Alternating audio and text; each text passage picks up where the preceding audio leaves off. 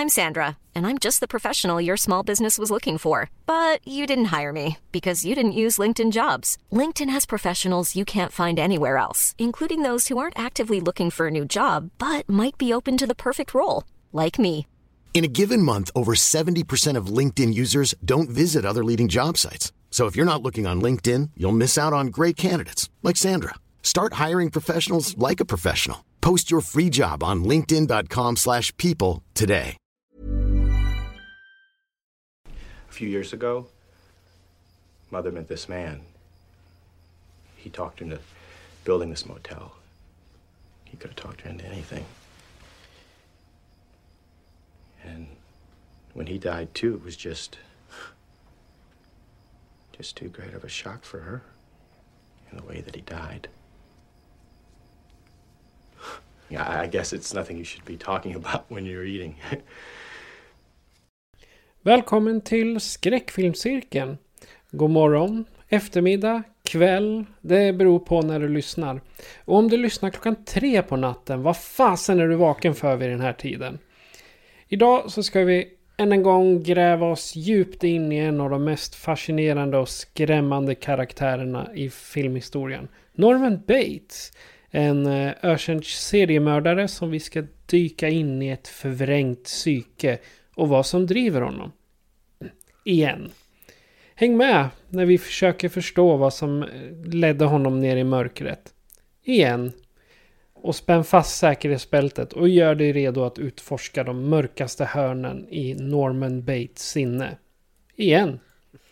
Vi ska prata om remaken till Psycho som just heter Psycho från 1998 med bland annat Vince Vaughn. Fredrik, nu borde vi ju snart bli utskrivna från den här Psycho-orgien som vi har genomlidit de senaste sex veckorna. Ja, den jag tror snarare att den kommer bli inskriven igen efter den här jävla filmen. Vi var på en sån high note, liksom franchisen var ju, alltså Psycho 1 till 4. Är så en jävla stark franchise. Och så kommer remaken. God damn, men låt inte det avslöja vad jag tycker om den här filmen. Uh, kära någon. Jaha, hepp hepp. Ja, ja jag, vi har, jag har inte haft några bra eh, upplevelser av den här filmen. Jag satt och tittade på den och jag tror mer att jag lekte med eh, en AI som jag hittade online. Mera än eh, vad jag tyckte filmen var kul. Men eh, för att gå ifrån där tänkte jag vi ska prata lite om vad vi har sett sen sist. Det har gått några veckor. Vad har du sett som kan vara intressant? Men jag har sett en hel del ändå. Väldigt lite skräck har jag sett. Men jag har sett en hel del. Som är fan så mycket roligare än filmen som vi ska prata om alldeles snart här. Spoiler alert.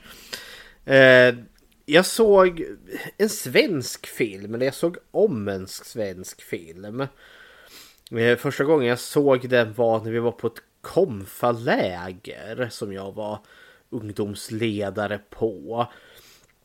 Och då var den alldeles purfäsk, alltså en Josef Fares film. Det var väl hans fjärde film tror jag. Först gjorde han ju den här Jalla Jalla, sen var det ju Kops och Farsan. Och sen kom den här Soso. Eh, 2005-ish där någonstans vill jag säga att den är. Fiktiv film och, men som känns lite kanske så semibiografisk eftersom att familjen Fares kommer ju från Libanon. Och den utspelar sig någon gång på mitten 80-talet där. Där vi får följa pojken Soso och hans familj. Och de planerar då en flytt till Sverige eftersom att det är krig. Eh, men eh, en bomb bliserar ju rakt ner i, i lägenheten och familjen utplånas. Och ensam kvar blir Soso. Eh, Men i och med att det redan finns en betald flygbiljett och det finns pass och lite vänvilliga människor som han springer på i det krigshärjade Libanon där. Så kommer han ju till Sverige där farfar och farmor finns. Och så är det liksom, ja, transaktionen från att ha levt i ett krigshärjat Libanon med den kulturen och in då liksom i en ja, ganska genomsnittlig svensk tillvaro där det verkligen är mellanmjölk och ingenting annat. Jag tycker, jag, svensk film brukar jag ju inte tycka om för jag tycker svensk film är så jäkla, det är så, det är så fattigt, det är liksom, det är Beck del 4011 eller Sune på Greklands semester del 7 eller någon remake på Jönssonligan. Och jag vet inte varför det stör mig för liksom kommer fredagen den 13 del 4011 att då springer jag ju glatt in i biosalongen så det, det är lite hyckleri där för min sida såklart.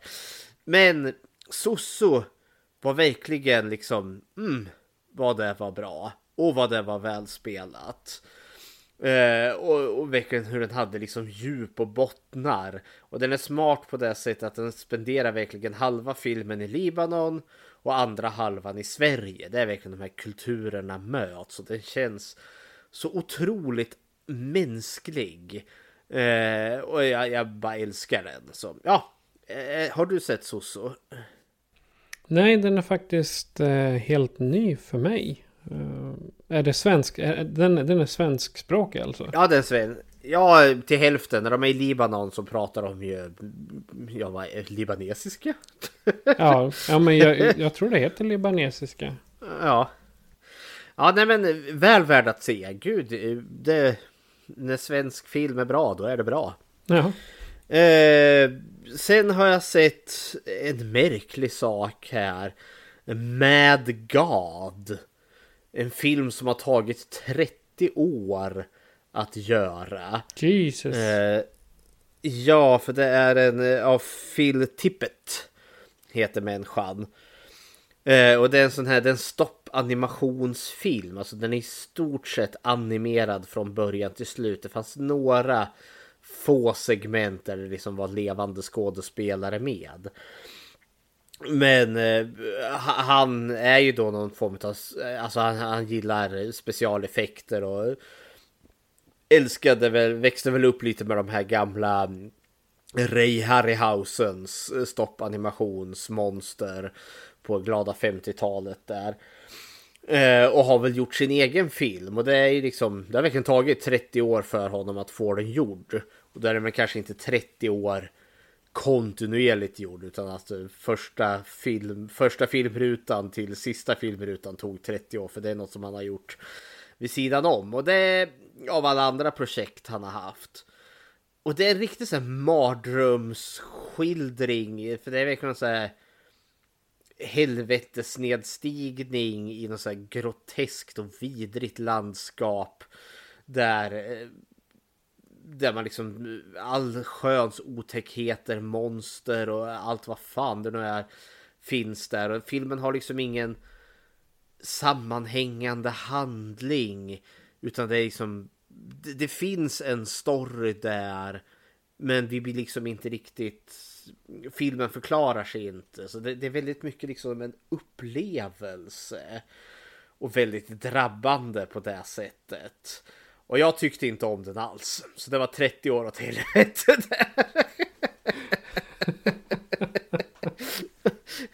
Jag är väl glad att jag har sett den men jag kände fan jag vill inte se den igen. Så. En erfarenhet rikare kallas det ju. En erfarenhet rikare, ja men det, ja. Eh, sen har jag sett Star Trek. Eh, och då är det JJ eh, Abrams, den här första, alltså ny... Uh, The Calvin Universe.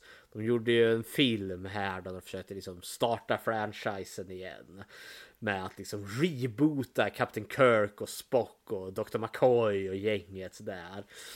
Eh, och då får vi liksom deras bakgrundshistoria, hur de eh, lärde känna varandra och sen ut på något eh, fräsligt eh, Star Trek-äventyr. Eh, och jag kommer ihåg, alltså jag såg den när den kom 2009. För då var jag iväg. Jag hade en, min första praktik i präststudierna då. Och liksom, jag var i Lerberget i Skåne av någon jävla av alla ställen att vara på. Jag, fick, jag bodde hos en jättetrevlig familj eh, där de hade köpt ett fantastiskt hus som hade haft en gammal fårstall som de nu hade byggt om då till ett gästrum. Så jag, jag bodde i fårstallet. Tillsammans med alla andra fårskallar. ja, jajamensan. Det var jättefint och fantastiskt. Men där såg jag den här då. Liksom kände att mm, man behövde lite escape från tillvaron när man ens var på praktik. Och jag kommer ihåg att jag tyckte den var... Eh Eh, jag tyckte mest det var ett fantastiskt spektakel. Och hade inte riktigt det där Star Trek som, som jag älskar med Star Trek, liksom att man får de här etiska dilemman, det blir lite filosofiskt och sen blir det lite rymdstrider, pew, pew, pew. Här var det mest bara superstrider och bovarna kom från framtiden och var skitarga på The Vulcans och så sprängde de Spocks planet och sen skulle de ut och spränga alla andra jävla planeter i hela universum för att fuck you och så måste Kirk och company stoppa the big bad som bara kacklar maniskt och ondskefullt och det var liksom bara kavalkad utav våld. Men det var jävligt snyggt, det var det. Men eh, jag kände väl återigen så här att äh, så, eh, det, det, det, har inte varit så jättemycket som har imponerat mig, förutom Sosso då. Eh, sen såg jag Tor, Love and Thunder. Jag ligger lite efter mitt Marvel-superhjältande här. Alltså om inte jag hade vetat att det där var en Marvel-film. Då hade jag trott att det var en Harley Quinn-bok.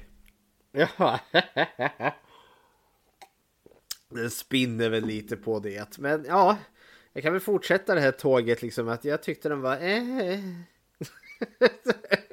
Den var väldigt humoristisk. Tor får problem med Christian Bale som har blivit skita arg på att gudar finns då han är nu Gore the God Killer och ska nu utplåna alla gudar från eh, existens här då. Och så dyker han upp i New Asgard där och så kidnappar han alla barnen och kacklar iväg ondskefullt ut i rymden där. Och så måste Tor tillsammans med hans ex-flickvän Jane där då som nu har också gått och blivit Tor för hon har eh, fått Mjölners välsignelse så hon kan nu lyfta hammaren och så blir hon då The Mighty Thor. Och så beger de sig två ut på ett episkt äventyr för att stoppa Gore the God Killer och rädda barnen där. Eh, den var all over the place rent tonmässigt. Så det känns som att Taika Waititi som eh, är regissören där. Han eh, som har gjort What We Do In Shadows, vilket är fantastisk. Det känns som att han ville mer göra en liksom knasig komedi. Och så kom liksom Disney där och bara ah, app, app, app up! nu behöver vi lite allvarliga stunder här för det är sånt som behövs. Jaha, okej. Okay. Så liksom, han känns som att skohornat in lite där. Så tonmässigt var den all over the place. Men det var fantastiskt kul att se Russell Crowe som en fet Zeus, alltså den grekiska guden Zeus där, som sitter och håller råd bland liksom i gudarnas hemvist där då. För Tor och kompani försöker hitta lite hjälp för att de ska besegra Gore där. Men eh, Zeus är inte alls intresserad utan Zeus är mest bara intresserad över hur de ska arrangera nästa stora orgie. och när Tor står på sig där då blir Zeus sur och liksom nej, du får inte komma på orgien där. Jag kan tänka Tor bara nej tack. Nej, men det, han var väldigt rolig. Russell Crowe var helt fantastisk. Han var också han var den där bombastiska stora eh, guden Zeus. Men så har han så ett litet eh, ja, men så grekisk särk på sig så när han ska ner för trappen då liksom lyfter han den som en liten klänning och så tittar han ner på tårna och Det är jättefånigt men jätteroligt. Ja, ja, ja, kära nån. Och så värvar de det då liksom med att eh, hon, den kvinnliga Tor där, är döendes i cancer. Så liksom, jaha, okej. Okay. Vart ligger tonen i den här? Nej, Eh, återigen, det var med, med, med. Det var väl kul. och sen då eh, har jag en, slutligen en film och sen en tv-serie. Sen är jag klar.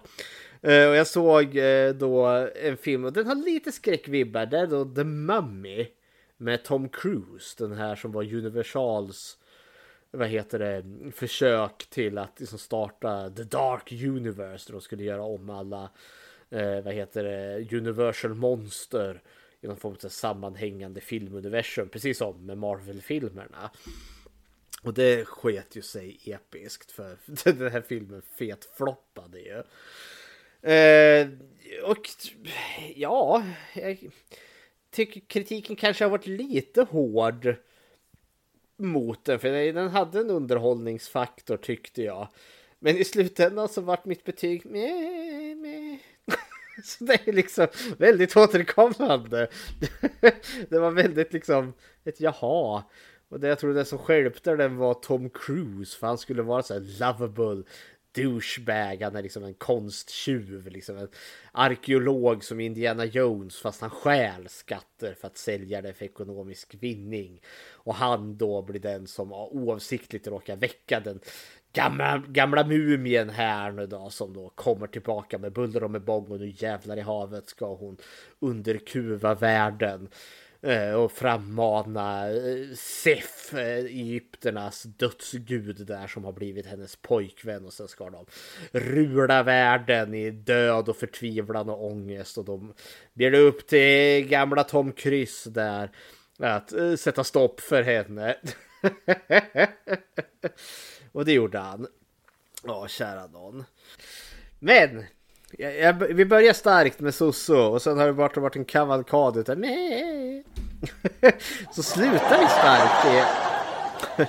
Så slutar vi starkt igen med säsong 3 utav Picard. Star Trek Picard. Uh, för, och det är en överraskning utan dess like. För säsong 1 var genuint dåligt tyckte jag gjorde mig frustrerad och arg. Säsong två av Picard är nog det sämsta jag har sett i manusförfattande någonsin och hands down det sämsta gjort enligt mitt tycke i Star Trek väg ever. Och det är och då har man lyckats eftersom att det finns en del Star Trek som är genuint dåligt. Men god damn. Men så säsong tre utav Picard hade jag ju typ noll förväntningar. Men de har ju typ sprängt bort alla som hade att göra med säsong 1 och 2. Eh, och det är liksom nya manusförfattare, det är nya regissörer, allt verkar vara nytt. Det är väl Alex Kurtzman, eller Kirksman heter han väl, är väl den enda som är kvar som producent där då, men han får väl bara skjuta till med pengar och ingenting annat så blir det bra. Det är genuint underhållande. God damn vad jag tycker det här är spännande och intressant. Eh, det är inte klart än, det är bara fyra avsnitt släppta än så länge. Men mums, mums, mums. Så nu har jag hopp igen. Så vi börjar starkt med Soso. Sen har vi haft en kavalkad utav med i Mad, of, i Mad God Star Trek. Eh, Tor, Love and Thunder and the Mummy. Men så slutar vi starkt med säsong 3 utav Picard här. Så det är vad jag har sett och god damn vad allt har varit mer underhållande än filmjäveln som vi ska prata om här lite senare. Men låt inte det färga vad jag tycker om den här filmen. ja, vad har du sett då Patrik? Ja, jag har ju varit lite dålig på att kolla på film överlag. Jag vet inte, vi, jag har enda riktiga skräckfilmer jag tittar på var med eh, skräckfilmscirkeln. Senast, jag har till och med glömt bort redan vad det var. var det superhjältar vi pratade om? Eller vad var det senast? Ja, Darkman. Darkman, ja precis. Ja, ja. Får, Liam Neeson får halva ansiktet bortsprängt.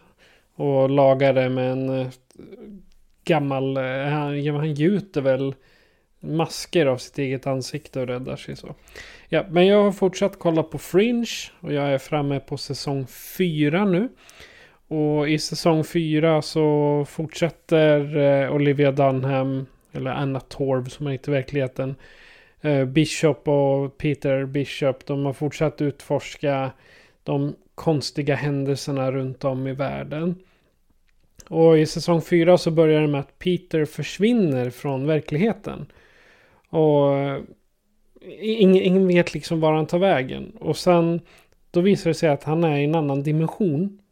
Eller en annan verklighet. Och i den verkligheten så är Olivia och Peter gifta och har ett barn. Men så har de också en fiende som hotar existensen. Och ja, och under resten av säsongen då så försöker de liksom lära sig att navigera med de här två parallella verkligheterna och se om det vad konsekvenserna i den ena blir om man handskar på en viss sätt på, i den andra. Som, som du hör så är det här riktigt fucked up. Eh, om, man, om man säger så. Eh, men det är underhållande. Jag brukar eh, sitta och kolla på det när jag har eh, tid och eh, när jag inte behöver sitta och arbeta. Sen har jag lyssnat mycket på podd. Jag har bingeat hela Rysarpodden nämligen. Och det är alltså Annie och eh, Mikaela heter de som eh, startade den 2019. Ja, de, de, de startade den eh, tre månader innan vi började. Nej, tre månader efter menar jag. Eh, så de har, den har ju varit ganska högt på topplistorna och sånt där. Så jag tänkte, ja, men, men jag lyssnar på den. Och det är en true crime-podd. Där de pratar om, eh, eh, ja, exempelvis då Ted Bundy är med i ett avsnitt. Och de, de beskriver han och vad han hade gjort. Och, eh, och de går liksom från början till slutet. Och det är inte alltid alla saker får, alla, alla mysterium som många av dem är, får ett eh, svar. Utan det kan vara så här att det är personer som bara helt plötsligt har försvunnit. Som man inte hittar igen. Och sen om det är några... Är det, är, är, ja. är det bara true crime? För jag tänker med namnet Rysarpodden så låter det ju som att det skulle vara liksom spökberättelser, ja, platser om hemsökta hus ja. och sådana saker. Nej, det, det handlar om eh, vi, vi, kan ju ta som ett exempel försvinnandet av Angela Hammond.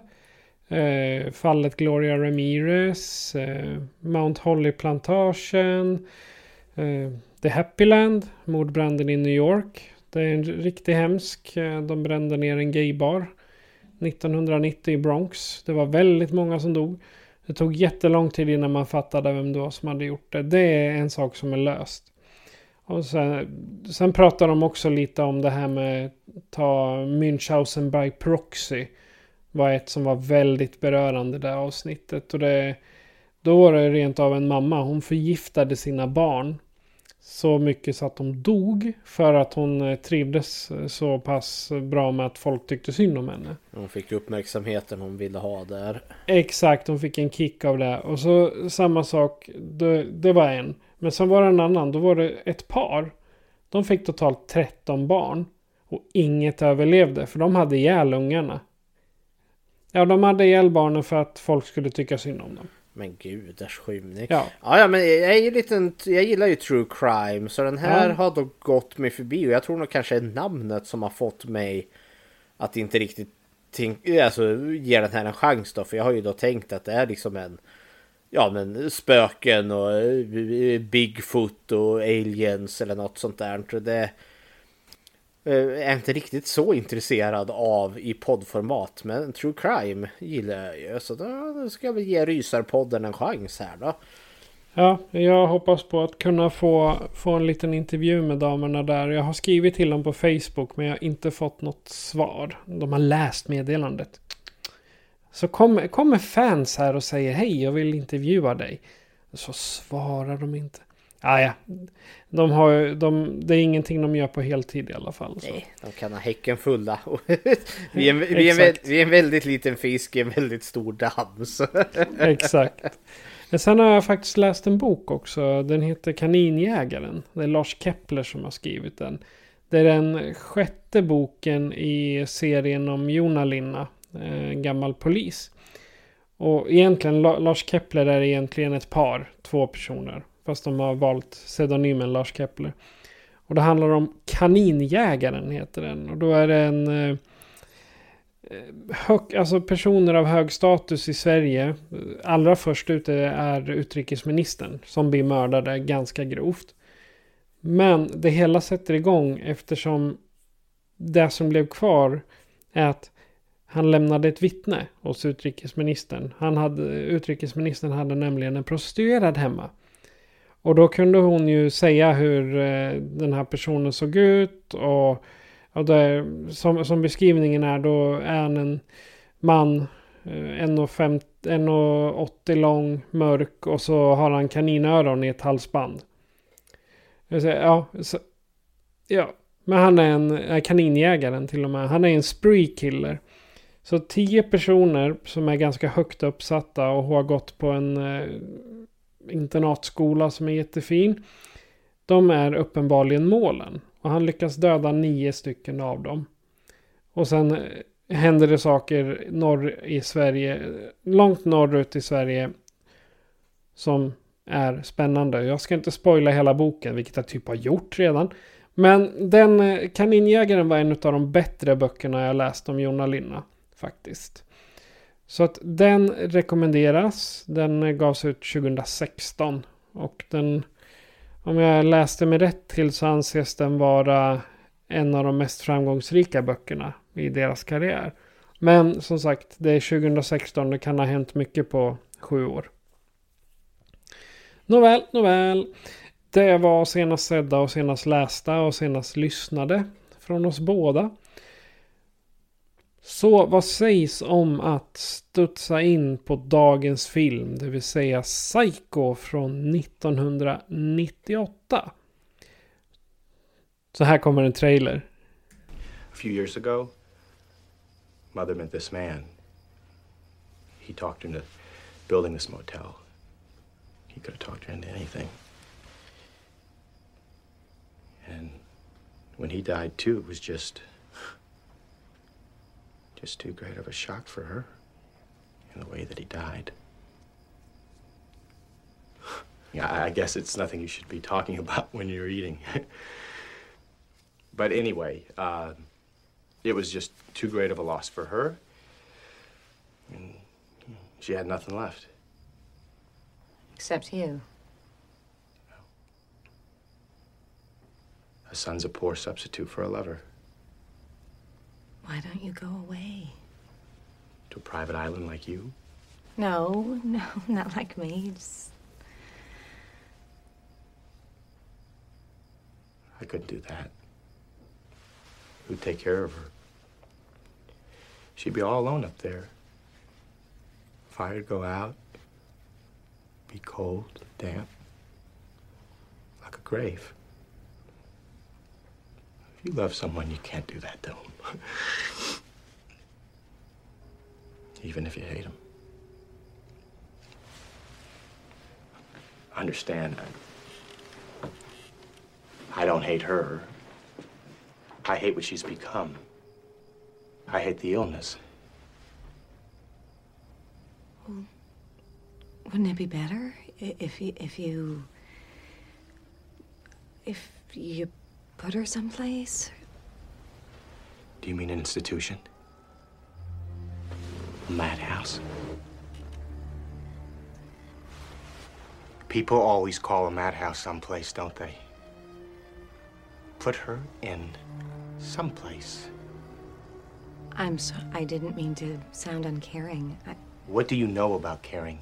Have you ever seen the inside of one of those places? The laughing and the tears and the cruel eyes studying you? My mother in there? She's harmless. Hiring for your small business? If you're not looking for professionals on LinkedIn, you're looking in the wrong place. That's like looking for your car keys in a fish tank. LinkedIn helps you hire professionals you can't find anywhere else, even those who aren't actively searching for a new job but might be open to the perfect role. In a given month, over 70% of LinkedIn users don't even visit other leading job sites. So start looking in the right place. With LinkedIn, you can hire professionals like a professional. Post your free job on linkedin.com slash people today. A lot can happen in three years, like a chatbot may be your new best friend. But what won't change? Needing health insurance. United Healthcare Tri Term Medical Plans, underwritten by Golden Rule Insurance Company, offer flexible, budget friendly coverage that lasts nearly three years in some states. Learn more at uh1.com. Marion Crane är en brottsling som söker skydd på det motell Norman Bates driver. Norman är en orolig och störd själ och hans offer går ett rysligt öde till mötes i händerna på hans mor. Marion blir snart nästa offer och hennes försvinnande får hennes syster och en privatdetektiv att börja ställa frågor. Det är eh, plotten till eh, Psycho från 1998. Och jag ska säga att den har eh, sjukt låg eh, rating på Moviesign 2,0. Jag har sett att på IMDB har den 4,6. Fredrik, du hade kollat på Tomatometer. Ja, Hur det- dåligt har den där? Den har väl typ så här 28 av 100 eller något sånt där. Så ja, hepp. Det här är inte en bra remake. Vi ska kanske förtydliga också. Vi sa att det var en trailer. Men eh, trailern till den här filmen är mer visuell. Vi har Gus Van Sant som är regissören. Som har gjort lite artsy filmer men som hade innan den här gjort den här fantastiska filmen God Will Hunting med eh, Matt Damon och Robbie Williams. Och det var väl lite upprinnelsen till varför han eh, kanske fick fria händer att göra den här filmen. Men i, i den trailern så är det mer, det är, det är visuellt och ljud. Så vi valde att ta ett, eh, ett ljudklipp från när Norman Bates och Marion Crane pratar tillsammans. Och det är ganska bra ändå, för det är det som är kommer vara kluvenheten. Så håll, håll, håll kvar den här dialogen i huvudet när ni lyssnar. För det är där liksom dialogen är bra och det är eftersom att det är exakt samma som originalet. Men det är någonting i hela den här filmen som är off från början till slut. Så ja, vi kommer in på det här snart. Okej, men den här då, eh, den, vi har nog inte tittat på den här i, i skräckfilmscirkeln i sig. Och jag tror inte vi skulle göra det heller. Det kanske vi slipper. Men vad, vad fick dig att lägga den här på listan? Ja, Men dels också för att det är ändå som del utav uh, vad heter det, Psycho-franchisen. Och jag tycker när vi ändå så gör en franchise då ska vi ändå ta med alla de filmer som är gjorda. Eh, vi har ju däremot valt att lägga tv-serien åt sidan för att det blir helt enkelt för stort projekt att se fem säsonger. Men åtminstone när det kommer till filmer så kan vi se dem allihopa för jag tycker det är intressant att liksom se en franchise i sin helhet med sina toppar och sina dalar och nu är vi verkligen i en dal här. Då kan man ju säga att or, originalfranchisen den blir ju utskälld framåt film 3 någonstans där. Men sen visst, det kan vara några dåliga äpplen i påsen liksom. Men sen knyter fyran ihop det helt underbart. Ja men grejen är också då om man nu ska ta till, ja men säg den tredje filmen som inte fick så bra eh, alltså bemötande. Eh, vilket jag tycker är lite synd för jag tyckte om den men du tyckte inte så mycket om den. Det är fortfarande en mer underhållande film än vad remaken är. Eh, Definitivt. Gud, alltså jag, jag åter... Jag, jag tror aldrig jag kommer återvända till den här filmen. Hade det inte varit för, eh, för podden här, då tror jag aldrig att jag hade sett om den här filmen. Han var snällt att du offrar dig för våra lyssnare. Ja, det... Men ibland är det visserligen bra också att återvända, för jag tror första gången jag såg den här filmen, det var i samband med att den kom där 98. Jag kanske, och här i Sverige får vi ju saker och ting lite senare, så det var väl 99 där då som jag kanske såg den. Och jag kommer ihåg att jag även då tyckte liksom mer än 20 år sedan att liksom nej, vad är det här? Varför? varför? Det här känns så meningslöst. Uh, och nu när jag sett om den 20 år senare, visst man glömmer ju bort lite men ganska snabbt var jag tillbaka där liksom. Mm, det här är ganska meningslöst. Men den har väckt lite tankar hos mig i form av remake och varför den inte funkar när den ändå så faktiskt är en karbonkopia utav första filmen. Och första filmen tänker jag, alltså enligt mitt tycke är ju det en mästerlig film. Fem av fem, liksom top notch. Och det här det är ett ett av fem. Jag ger betyget redan nu. Alltså det här är en flopp. En katastrof till film. Och det är lite intressant i, i och med att det är exakt samma film. Så varför funkar originalet men inte den här? Det, och jag har lite tankar på det. Men ja, nu har jag bubblat på här om lite kanske initiala tankar när jag såg den först. Och lite vad jag tycker om den. Vad, vad är dina tankar Patrik? När såg du den här filmen första gången? Det var också där framåt 00 2002 någonstans där jag började titta mycket på film. Eh, då otroligt mycket. Eh, för de som har hängt med länge så var jag sjuk då och kunde bli liggande flera, flera dagar. Och då var ju film något enormt bra. Men jag tror att eh, just känslan jag hade från första början var liksom att Van Sant ville Alltså han ville göra filmen till en nyinspelning med samma teknik och kamera. Och precis som du och jag så var det, kan man tycka att filmen saknar den här originella eh, klangen som eh, de första eh, de, som de första Norman Bates och Mother var. Men man, det ska väl också säga att det finns personer som uppskattar filmen. Och sen vart de är, det vet jag inte. Det, det här är nog bara något, eh, något den jädra recensionerna hittar på. Men jag, det jag gillar med den här filmen faktiskt är att eh, Vince Vaughns sätt att tolka Anthony Perkins. Man, om Vince Vaughn hade varit lite smalare och mer ljusröstad så hade det varit ganska likt. Men jag tror att Vince Vaughns prestation gör det mera likt boken där Norman är en fet och äcklig gubbe. Och här är han någonstans mitt emellan. Mm. För han är ju inte, alltså han är inte tjock. Nej. Men han är ju ändå stor. Han, på sitt sätt. Han är, han är ju enormt lång och ganska bredaxlad. Men ja, då, han är inte han runt två meter lång? Jo, han är ju det.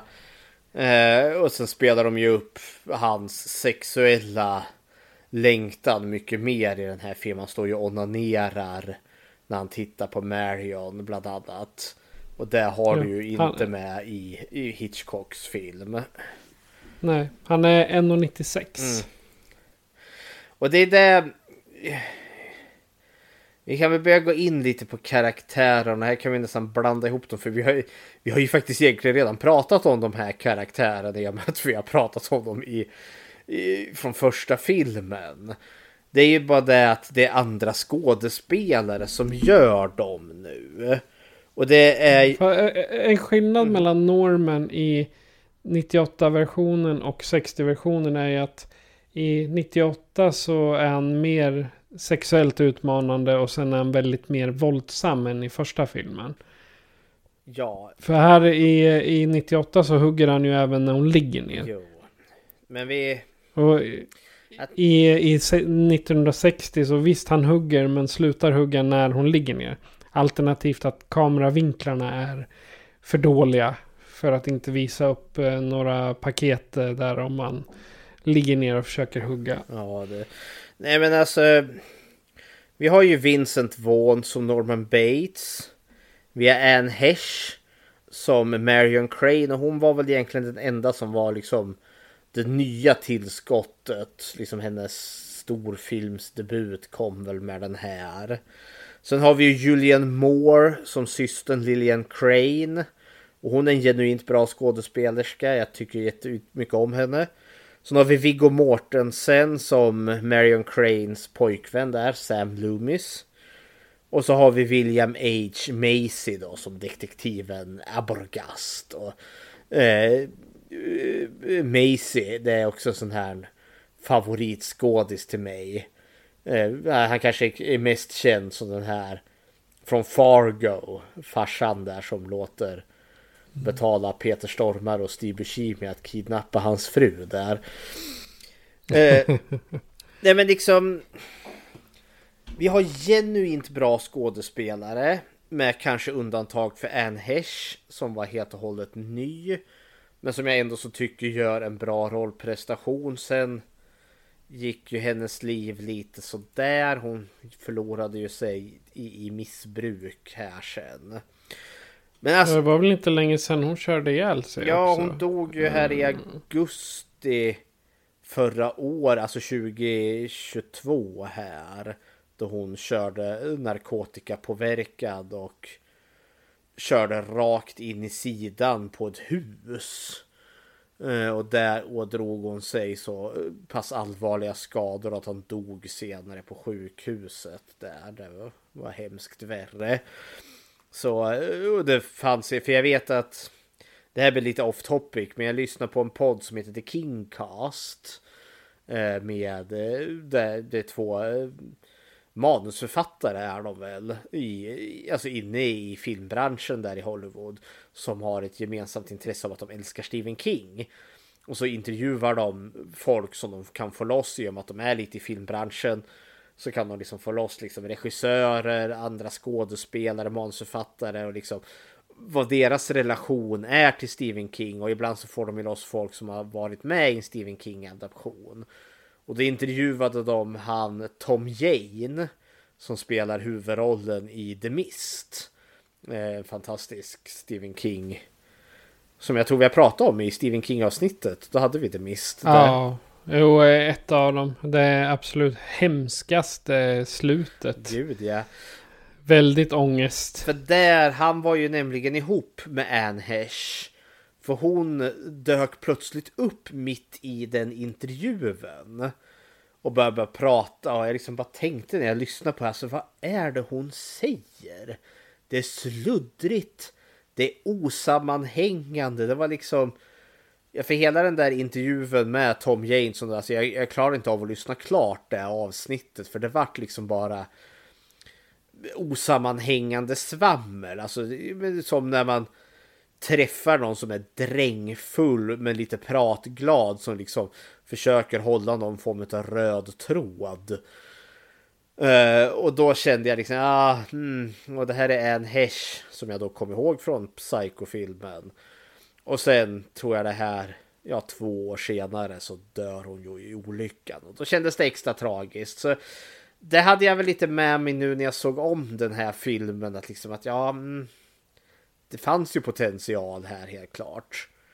Men ja, nu, nu har vi adresserat det. En Hesh och hennes tragiska liv och bortgång här.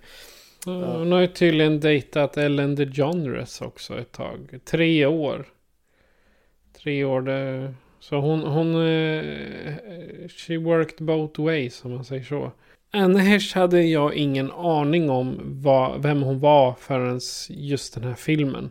Jag hade ingen koll på vad hon eh, gjort överhuvudtaget. Men nu när man har läst om henne så... Hon har gjort en hel del. Plus att hon har, hon har ju spelat mot Vince Vaughn förut i NipTak. Ja. Men hon var väl också beskriven lite som en märklig person. Hon, hon har väl alltid varit en liten sån här person som har levt liksom ut sitt liv och kanske inte helt varit ovan med att kanske partypartaja loss. För hon var beskriven också som the weird chick, den konstiga tjejen. Så ja. Mm. Det, det jag var inne på innan jag for iväg på Anne Hesh här. Skådespelarna vi har här. Alltså det är gedigna skådespelare varenda en av dem. Det är liksom det, det är skådespelare som kan skådespela. Vi, vi snackar liksom inte amatörernas afton här.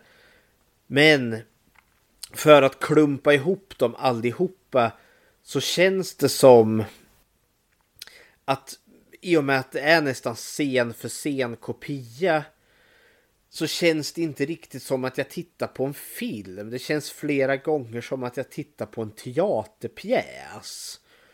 Det, det är för stageat för att det känns verkligen som att de anstränger sig för att det ska bli en kopia utav Hitchcocks film.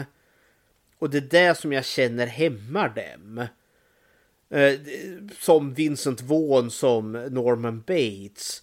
Alltså det, det, är inte Vincent Vaughn som gör Norman Bates utan det är Vincent Vaughn som försöker göra Anthony Perkins som gör Norman Bates.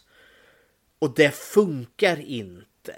Jag känner liksom inte att det här är Vincent Vaughns tolkning, liksom hans hans adaption av Norman Bates utan det är hans adaption på Anthony Perkins.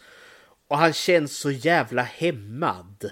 Och det är det som jag tänker är kanske problemet i hela den här filmen. Att alla de här skådespelarna gör liksom inte sin tolkning utav käll, källmaterialet utan de försöker göra en kopia. Och det funkar inte. Enligt mig. I alla fall. Det är det som liksom skon klämmer. Alltså en Hesh kan inte vara Janet Lee som spelade Marion Crane för bara Janet Lee kan göra den variationen medan Anne Hesh behöver göra sin. Eh, Vincent Vaughn behöver göra sin Norman Bates. Eh, eh, Viggo Mortensen behöver göra sin Sam Loomis och så vidare och så vidare. Och det är det som liksom jag sitter när jag ser den här filmen liksom bara jämför att fan originalet är ju så mycket bättre eftersom att originalet är sig självt. ja. oh, gudars skymning. Men vi får åtminstone se eh, Viggo Mortensens stjärt i den här filmen. Det fick vi. Vi fick inte se han som spelar Sam Loomis stjärt i första filmen. Så det alltid något. What a delightful exchange. ja, om du säger det så. Men vad, vad, tycker du? Alltså nu, nu går vi ju inte direkt in på karaktärerna specifikt. Men alltså, vad tycker du om skådespelet och karaktärsprestationerna i den här filmen? Alltså det enda jag kan tycka är eh, något sånär... Nej. Kan inte hitta något som... Alltså det är ju en kopia av... Eh, det, det är en ren och skär karbonkopia över eh, Alfred Hitchcocks arbete.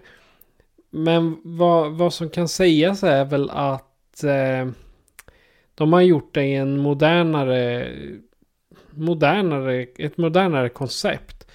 Det är liksom, det finns någon som har datorer, Eh, de använder knapptelefoner, några av dem. Förutom om man är hos eh, Norman då, där är det ju liksom eh, så här med snurr, sifferplatt eller siffersnurra och skrivmaskin liksom. Men det, märk, det, alltså det, det, märks att de är i en nyare tid. Och samtidigt hon, hon är lite så här tveksam till att ta med sig pengarna och åka iväg ut. Där, men vad då kan man inte bara föra över? Nej, det ska vara kontanter. Ja, det, för visst, det skulle ju lämna, i och med att den utspelar sig i, i sin egen samtid, alltså 98. Det skulle ju lämna, skulle hon ha fört över de där pengarna till sitt konto så hade, det ju lämnat ett, hade hon ju lämnat ett eh, kreditspår efter sig. Ja, nej, det var ju hon skulle lämna till, föra över pengarna till den här nissen som kommer in ja. och skryter över att han köper en massa byggnader hit och dit mm. och flörtar med hennes arbetskamrat. Ja, men det, det, det, är ju en grej som funkar med både originalet och alltså, remaken. Alltså, eh, Cash is king. Det lämnar ju inte spår efter sig på det sättet. Så vill du liksom försvinna från jordens yta så behöver du shit ton of money som hon plötsligt kommer över. Men ja. Alltså skill skillnaden som är mellan 1960, alltså då säger jag Marion Crane. Eh, skillnaden mellan 60 och 98 är ju att hon är mera frigjord i filmen 98. Alltså modernt. Hon, eh, hon är mer sexuellt aktiv. Mer självsäker framför allt. Ja, här... Och så har hon liksom ett starkare band med Bates innan hon dör. Ja, alltså det tillåts ju den här filmen ändå så få alltså eh, broderera ut lite. Jag menar filmcensuren 98 och filmcensuren 60 är ju, det är ju som två skilda världar. Det är ju nästan 40 år mellan de här filmerna. Så visst, det köper jag i och med att liksom när, när de ligger på hotellet där, Viggo Mortensen och Anne Hesh. Så eh, spelar de ju väldigt mycket mer upp liksom att de har ett ganska sprudlande sexliv där ändå. Medan i originalet var de ju tvungna att tona ner det för att filmcensuren hade aldrig släppt igenom det. Plus att Marion Crane framställs som en väldigt ängslig kvinna. Gör hon ju. Medan här är hon faktiskt lite mer laid back. Eh, och det, och det köper jag, det, det är en tag. Men det, det funkar inte riktigt. Alltså det, det är också något som kanske går liksom lite fel för just Marion Crane. Mm, alltså det, det, funkar bättre när hon är den här ängsliga lite mer. Oh nej. Mm. I och med att hon just stjäl de här pengarna i hopp om det här bättre livet som hon och Sam Loomis ska få. Medan här är hon ju lite mer frispråkig och ja, eh, och lite mer loosey-goosey, lite mer happy-go-lucky. Och det, eh, mm, det hämmar lite tycker jag. Det passar inte riktigt karaktären. För liksom, hon ska ändå så vara den här stressade kvinnan som begår ett stort misstag. Eh, och mm, en annan grej. Som sagt, den utspelar ju sig 98 i sin egen samtid. Men de har valt ändå så att Anne Hesh klär ju sig typ i 60-talskläder. Och dialogen är ju i stort sett en exakt detsamma från den som eh, ja, de, de, från originalfilmen, vilket gör som han den här, eh, han rikingen där som kommer och viftar med pengarna. När han börjar liksom flörta lite med dem så har han ju typ 60-tals det är lite 60-tals slang och sådana saker. Det känns bara fel. Gör honom kanske lite mer, alltså uppdatera honom till 90-talet och gör honom lite slemmigare så att det kanske passar sin egen setting. För det var det också som störde mig liksom enormt med den här filmen att varför, varför beter sig alla som att de vore i 60-talet när filmen utspelar sig sent 90-tal? Det är också en sån där clash som inte funkar. Hade tanken varit att göra en scen för scen kopia fast med färg och med bättre modern filmteknik varför inte förlägga filmens handling på 60-talet?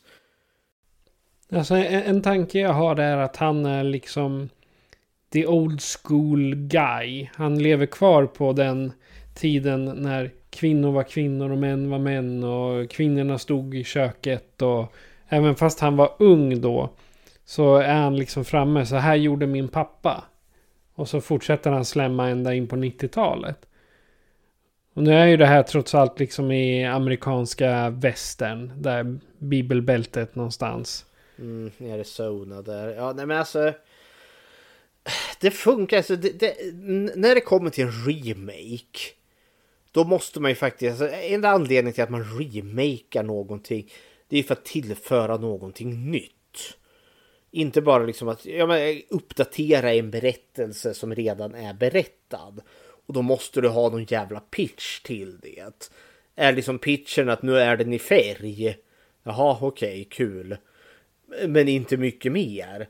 För jag vet andra filmer som har gjort det här samma, typ remaken på Terrorn på Elm Street som kom 2010. Var ju också nästan scen för scen kopia. Och den bombade stenhårt. Och är en pissdålig film.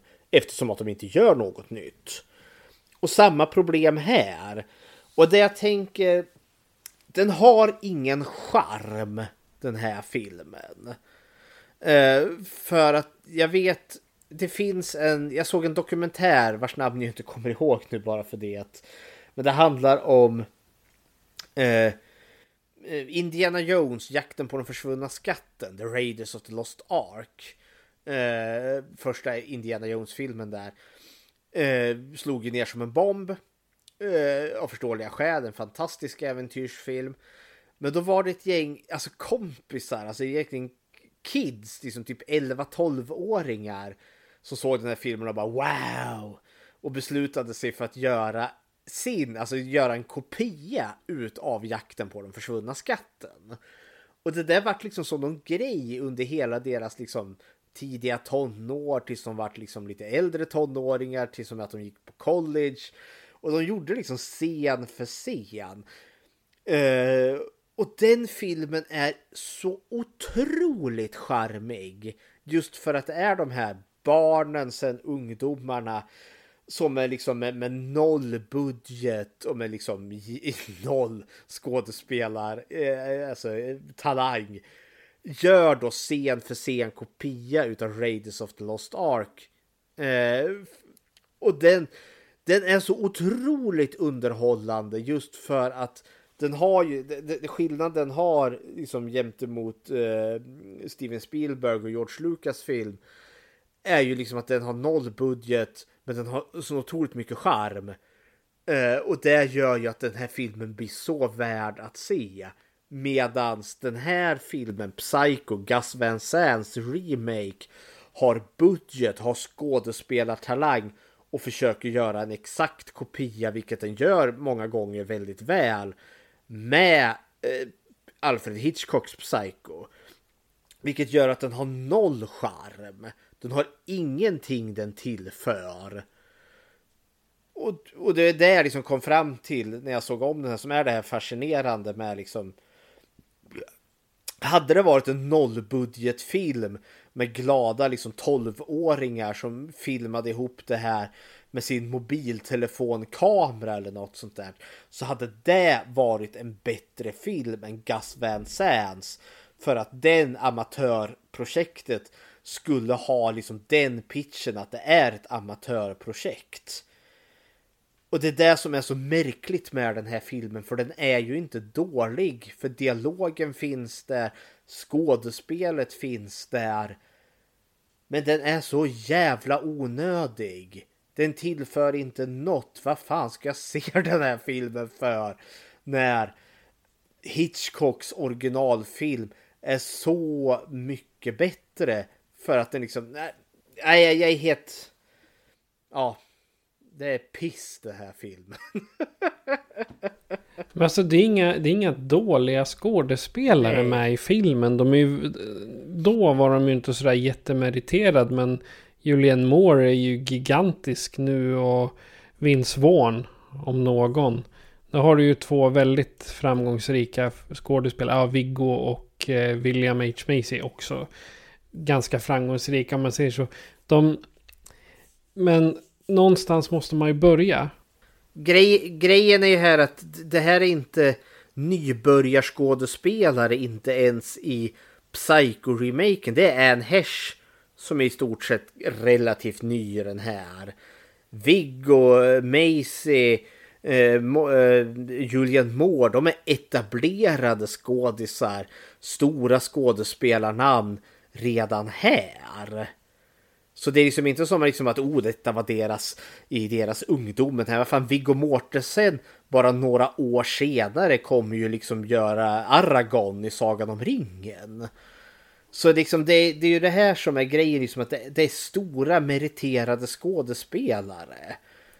Och någon gång måste vara den första gången de gör en, ett, ett misslyckat framträdande eller accepterar en casting till en sån, ett sånt misslyckande.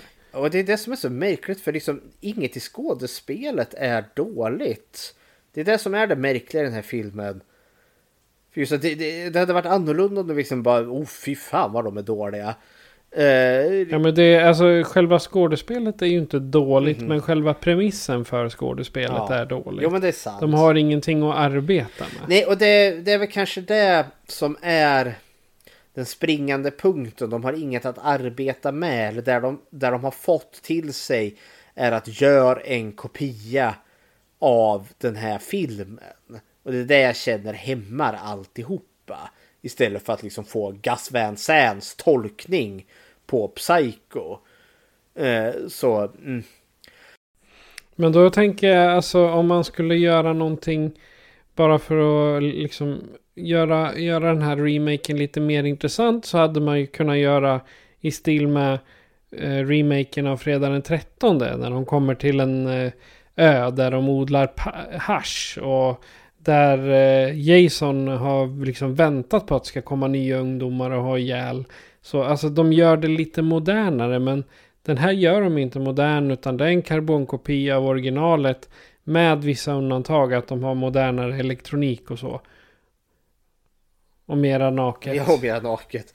Och det är väl det som inte riktigt funkar. Bara liksom att flytta över 60-tals berättelsen till 90-talet men inte piffa upp den så att den liksom passar 90-talet. Det är väl det som skär sig.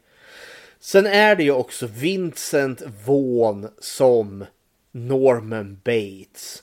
Alltså vilket otrolig misscasting det är. Det är helt fel skådespelare för karaktären Norman Bates.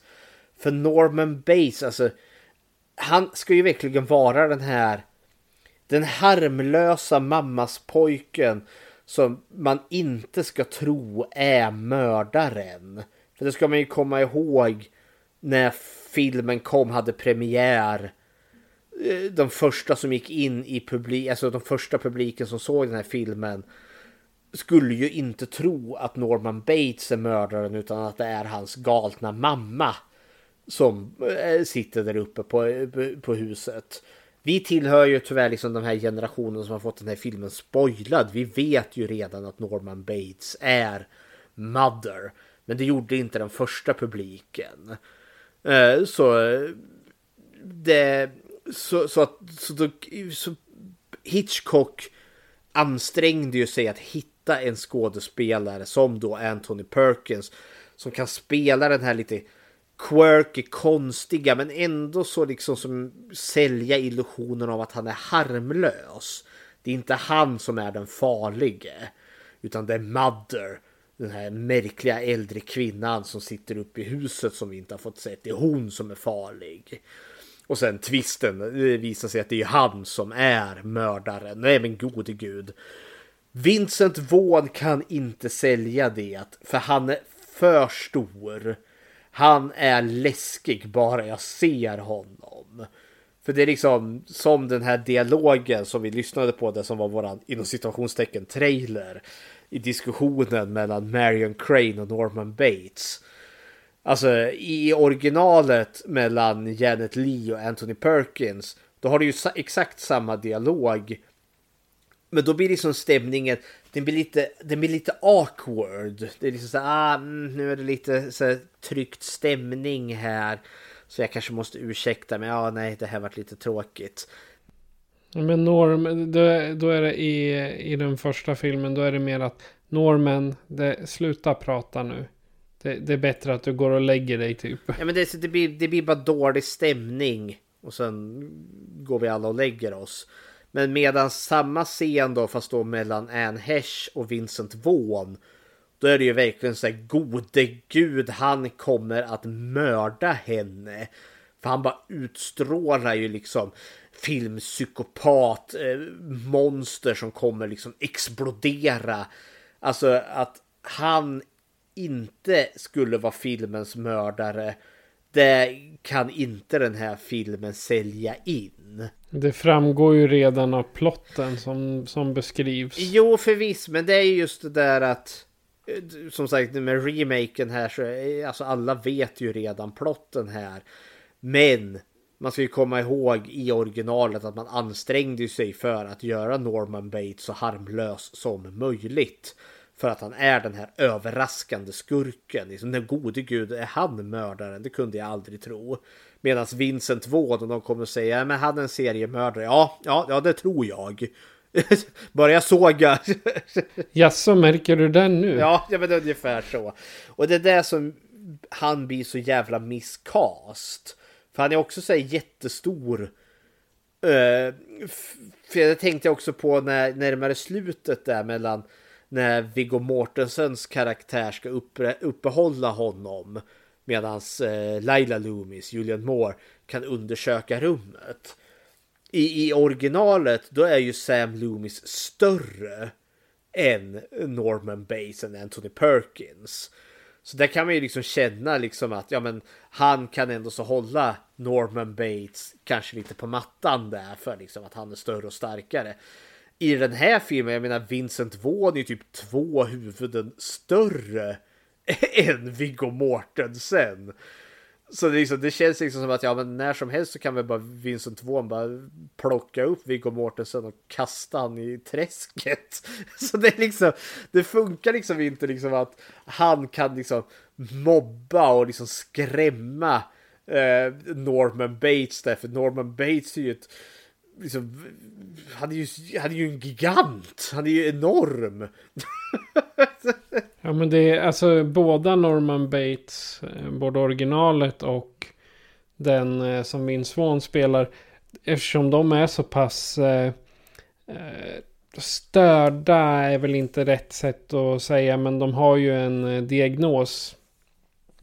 I och med att de har den diagnosen de har så har de nog inte möjlighet till att bli upprörda eller arga eller eh, sådär. Bara, bara på grund av att de inte kan gå iväg. Utan de blir ju så när de blir triggade av Mother. Ja, men det, I sitt inre. Men det är också, de kan inte sälja illusionen av att Vincent Vaughn är den här plågade mammas pojken som liksom kan domderas utav liksom en stark vilja. Han är, det är en sån miscast. Det är liksom du, du det, det, man hade lika gärna kunnat haft Arnold Schwarzenegger som Norman Bates. Det är liksom så, det är åt helvete fel, det funkar inte. Och Vince... Jag skulle vilja höra den, den dialogen med Arnold Schwarzenegger istället. Roligare och inte annat. För det är också så då hade man gett filmen någon form av krydda. Vi gör liksom en sed för sed kopia utav Psycho. Men vi gör det liksom som en comedy. Vi liksom misskastat allihopa. Whoopi Goldberg som Marion Crane. Arnold som Norman Bates. Danny DeVito som typ Sam Loomis. Och Samuel Jackson som detektiven Abregast. Där det är liksom och liksom kommer in och liksom Where is that motherfucking Marion Crane? det hade ju varit awesome. uh, då, och, då Norman drar sina. Jag vet inte vad hon heter. Ja, då har du inga problem. She, she got to the shop. Uh, she's in the swamp. Mother.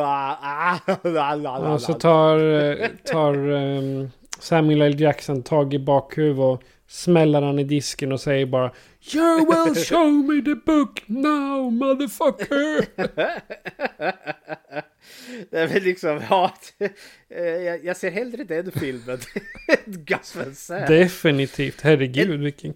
Vi borde göra en. Grejen är också så här att jag såg den här filmen tillsammans med våran vän Martin, Historie-Martin som vi har döpt honom till.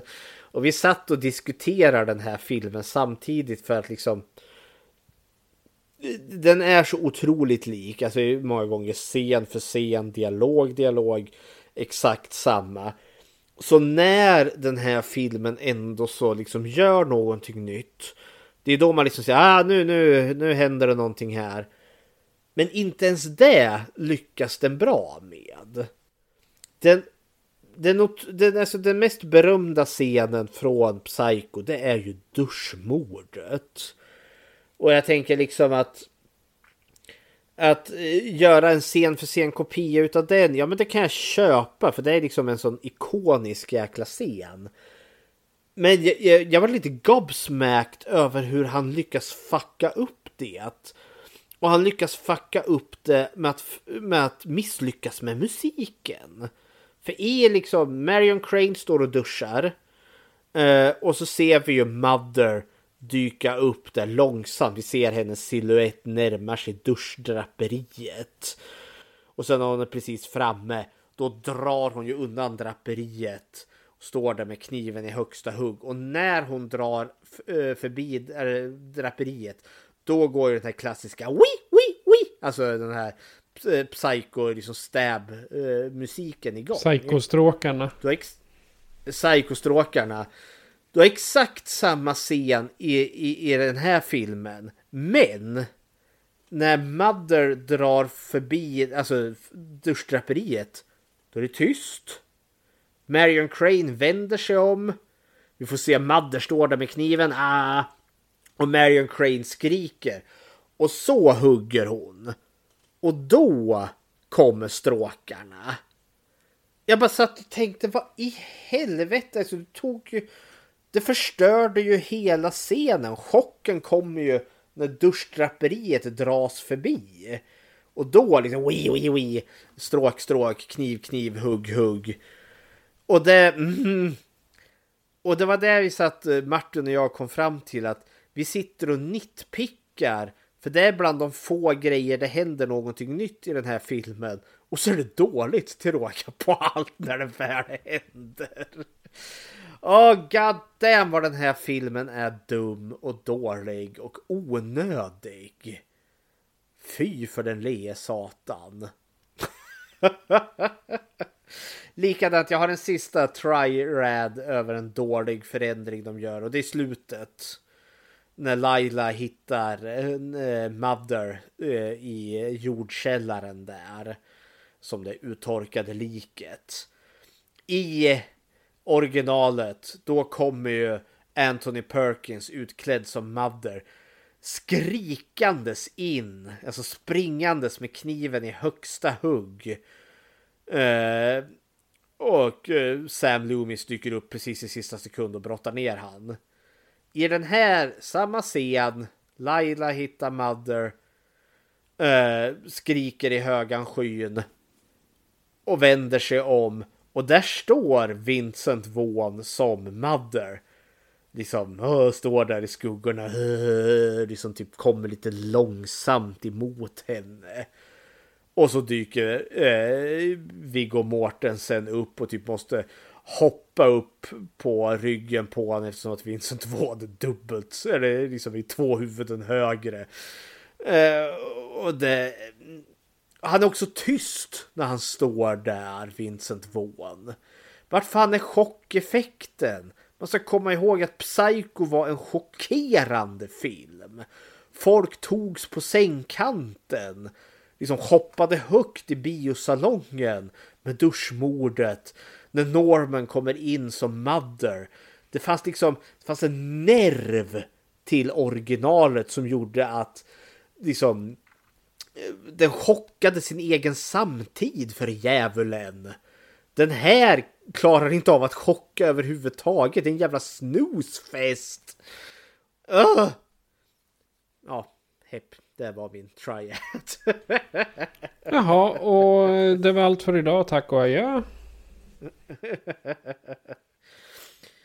Det enda gott som kom från den här filmen är att vi fick en eh, en fan-made liten låt som har att göra med duschmordet. som vi snart här ska få lyssna på. För grejen är nämligen att när eh, vi har duschmordet där och Marion Crane faller ju död ner över badkaret. Och i den här filmen, ah, hon, när en häst glider ner där så åker rumpan upp och skinkorna särar lite väl mycket på sig. Och man, precis som i Flashback Forever där, man ser rakt in i den Kvassebos eh, bruna kyrkport där. Rakt in i tvåan rakt in i tvåan, Daimkrysset flyger upp där. Och liksom oj, tjosan hosan. Det var inte med i originalet, ska vi ge. Men då var det någon driftig jävel där som gjorde en väldigt rolig, eh, liksom, ja.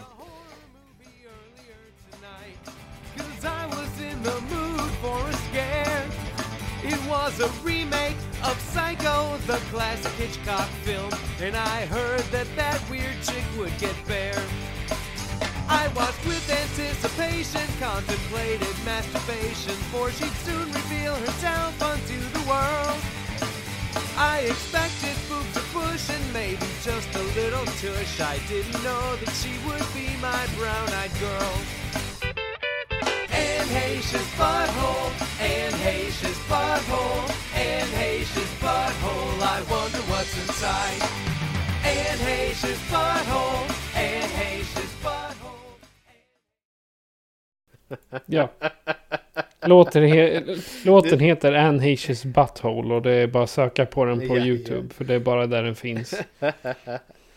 Ja, det, nu är det kanske lite makaber efter hennes död där, men jag kan inte låta bli att tycka att den här Anne Butthole är helt fantastiskt rolig.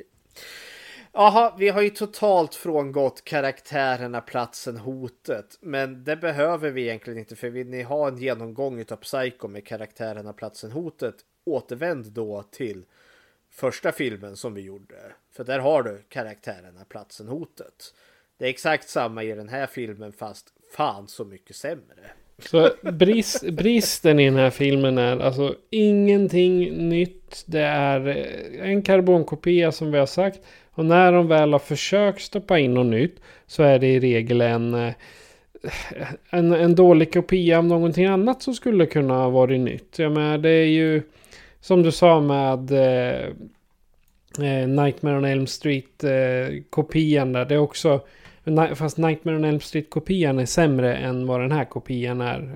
Eh, ironiskt nog. Men eh, en önskan som jag hade haft med den här hade ju varit att göra en...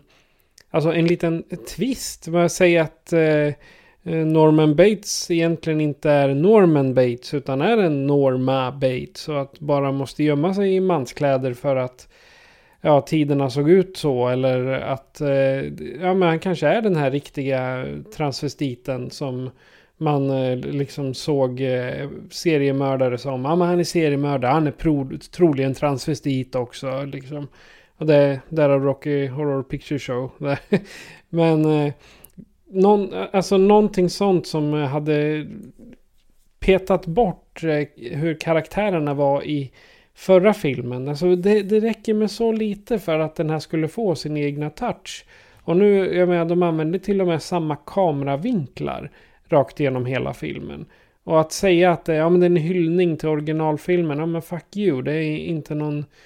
Det, det är ingen bra hyllning, det, det är skit. Det är ju inte det.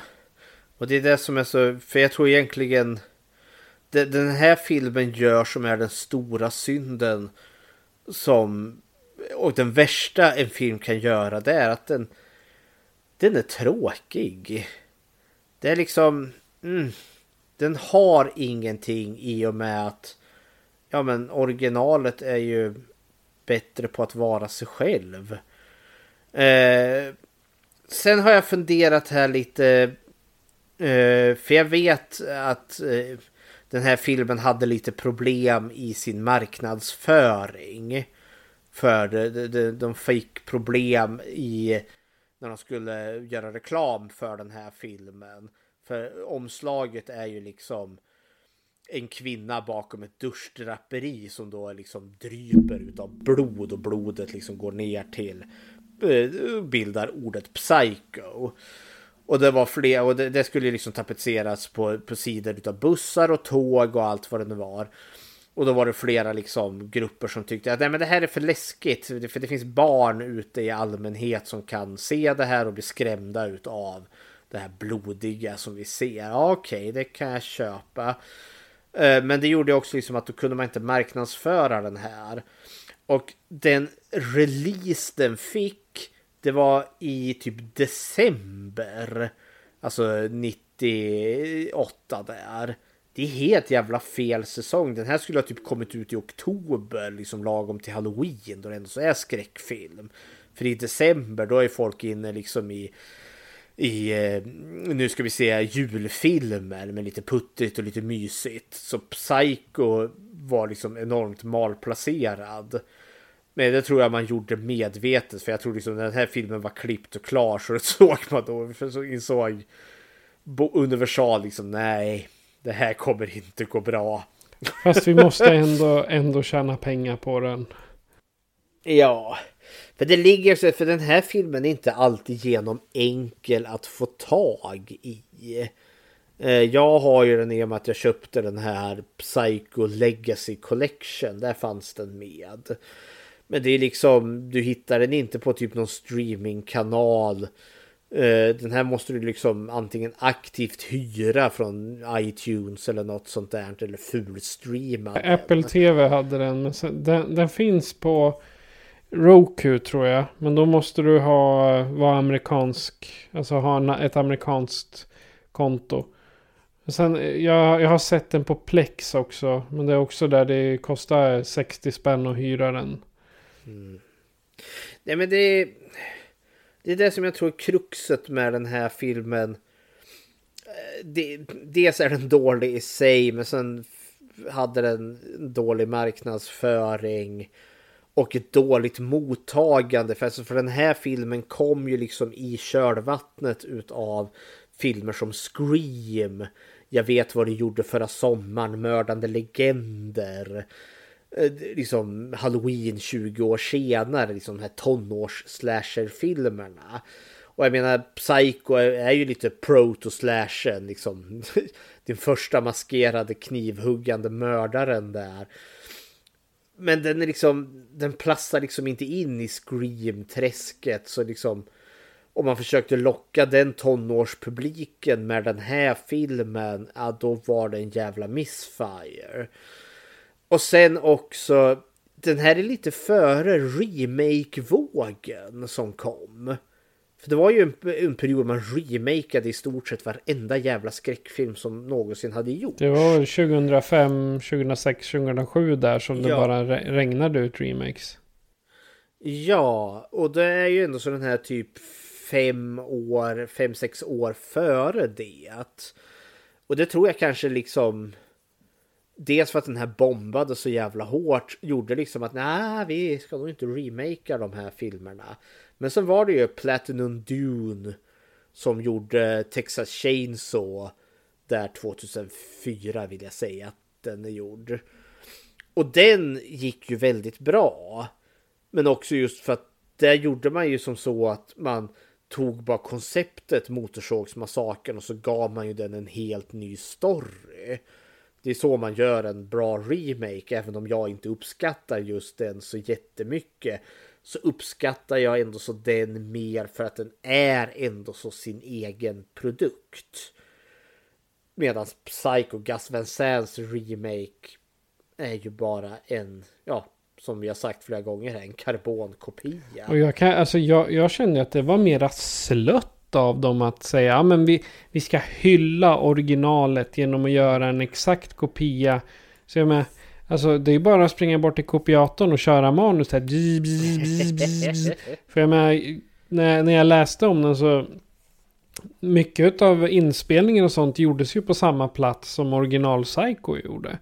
Så det här hade ju mera, nej, det, det, visst, det är ett tidsdokument, men det är åt helsike inte rätt att säga att vi gör en hyllning och sen försöka kapitalisera på det. Nej, nej det, de, de valde helt fel film och hylla inom citationstecken. Eller de hyllar den på fel sätt ja. med att göra den här karbonkopian. För de hade ju till och med, alltså de är ju bokstavligen på samma backlot Eh, alltså huset, eh, Mothers hus eller Bates huset är ju ett nytt hus. De har ju gjort om det. Men det finns liksom stills, alltså de har ju byggt en kuliss och ställt det framför Bates-huset. Alltså det, det klassiska eh, kråkslottet. Som faktiskt står kvar än idag för... Ja, eller åtminstone jag tror den gör det. Jag sa samma. Och då känner jag av alla grejer man skulle förändra när man ens har haft karbonkopior. Varför valde man att bygga liksom en ny kuliss? När det ändå så hade kvar den gamla kulissen utav originalhuset. Så ja, nej. det, det ska ge den här som kanske är det fascinerande. Det enda fascinerande den är, är just att det är den här scen för scen kopian utav ett mästerverk. Och det funkar inte alls. På det sättet är den ju lite intressant som sin egen bäst som något form av konstprojekt. Att visa kanske meningslösheten med remakes och uppföljare, vad vet jag. Men den här visar väl också på att ja, men det går inte att återskapa ett mästerverk.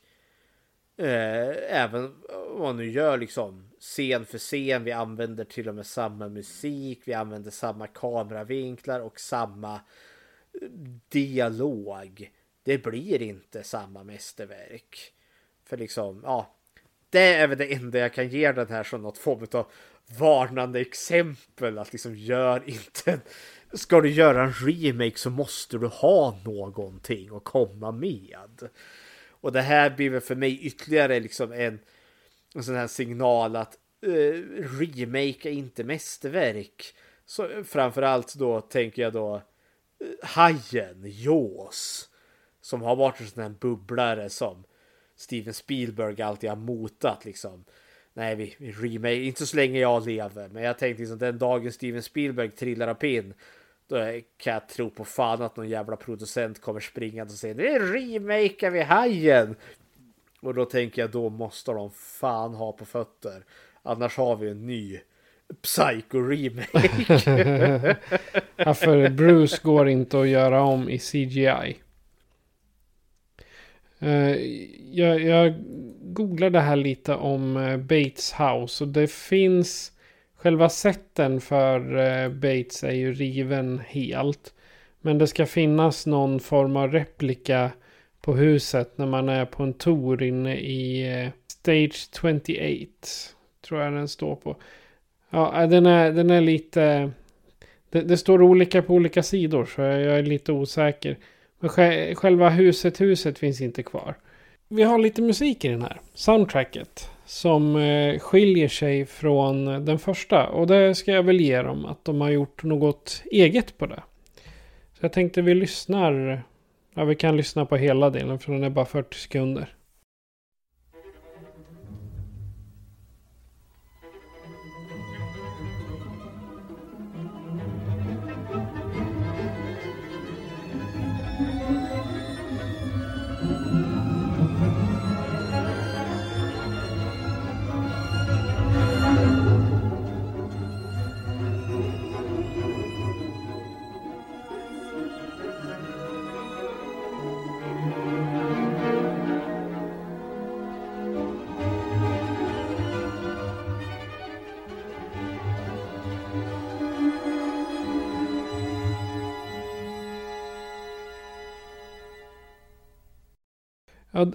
Det kan jag ju säga är positivt att de har gjort sin egen musik. Så att de inte besudlar den gamla klassiska musiken med den här ny, nyaktiga...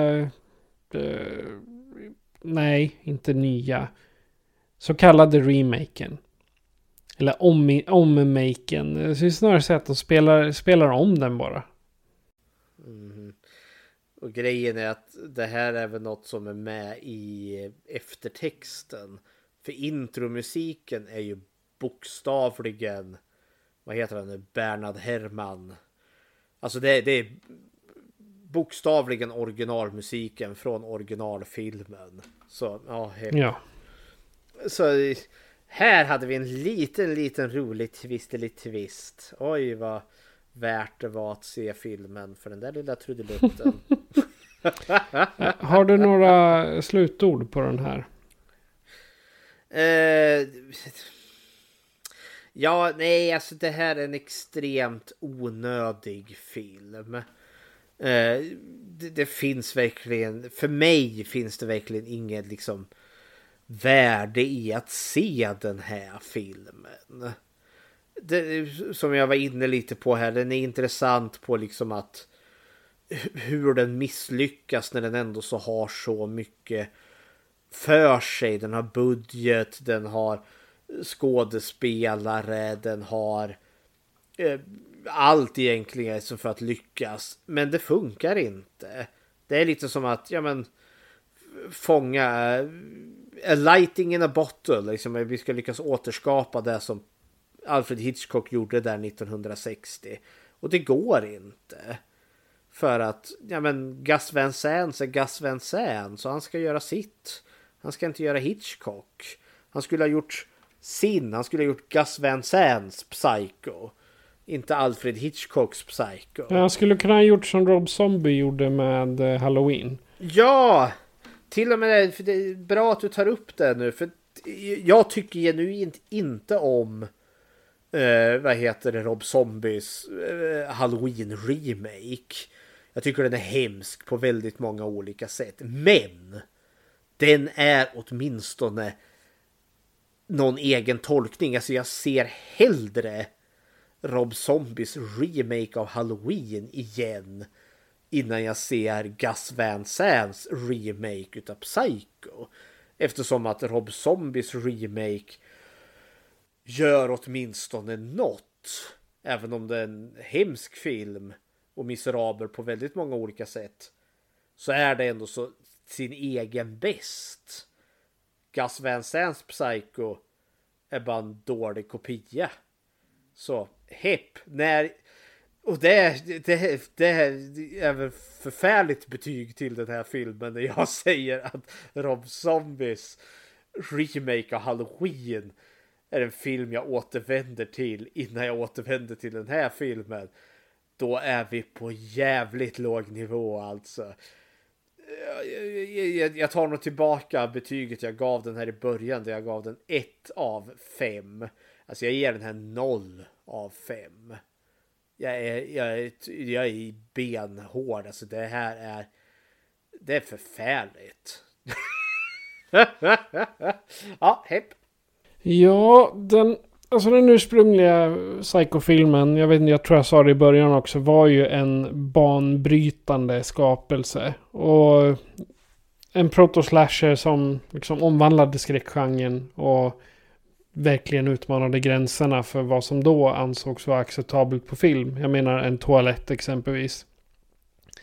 Och trots att det var en viss skepticism från min sida när jag såg Psycho från 1998 så var det faktiskt inte mer än rätt att vara skeptisk. För jag fann inte ett skit som var intressant utav den. Och det, liksom det enda som jag tyckte var intressant av hela produktionen var att Vansant just använde samma kameraobjektiv, ljusteknik och sen samma vinklar som Hitchcock använde i sin film. Eh, den nya, recension, den nya filmen fick ju massor med blandade recensioner från kritiker och fans. Alltså åsikter som skriker både bu och bä. Och vi säger bu båda två alltså. Eh, den eh, nya versionen av Psycho är inte en intressant film. Den är inte särskilt rolig. Den är inte nytänkande. Ehm, Alltså jag, jag ska nog eh, ta tillbaka en, ett litet citat som, som jag spelar upp ibland när vi har väldigt dåliga filmer. Billy, I want you to find the tallest skyscraper you can and throw yourself off and then go fuck yourself! Åh, oh, Vanessa, hon är så ja. arg.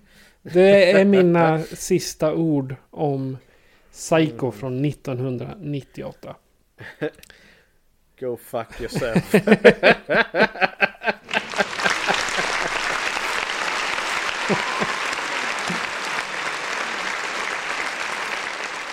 Okej. Okay. Har du gjort något Bechteltest på den här? Ja, och det är bara att lyssna på originalet, alltså vårt första avsnitt utav första filmen där så får ni reda på Bechteltestet där eftersom att det är exakt samma film så hepp. Okej. Men om eh, du som lyssnar då tycker likadant som oss och vill skicka kärleksbrev eller eh, lära oss om taxidermi så eh, kontakta oss så här. Skräckfilmscirkeln presenteras av Patrik Norén och Fredrik Rosengren. Produktion FPN Productions. Besök skräckfilmscirkeln.com för att hitta var du kan lyssna på oss, hur du kan stödja oss och hur du kan kontakta oss. Vill du diskutera filmerna i avsnitten är du välkommen att gå med i gruppen Skräckfilmscirkeln Eftersnack på Facebook. Tack för att du lyssnar.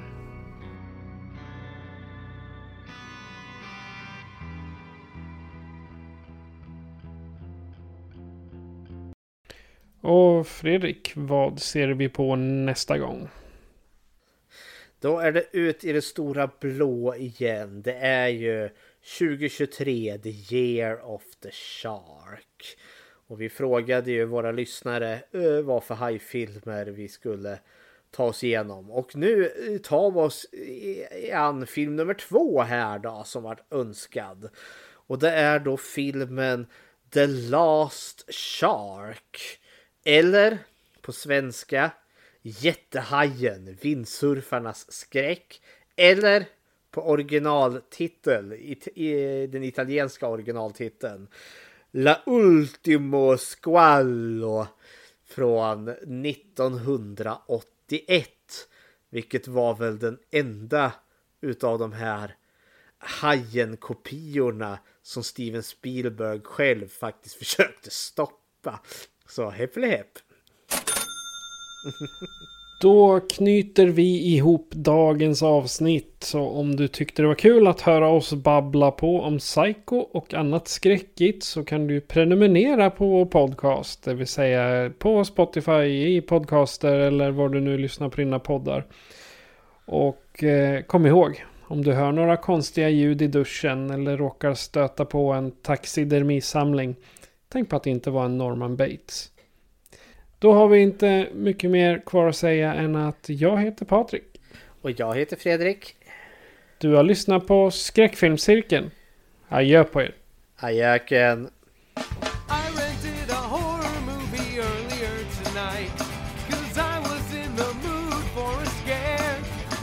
Was a remake of Psycho, the classic Hitchcock film. And I heard that that weird chick would get bare. I watched with anticipation, contemplated masturbation, for she'd soon reveal herself unto the world. I expected boob to push and maybe just a little tush. I didn't know that she would be my brown-eyed girl.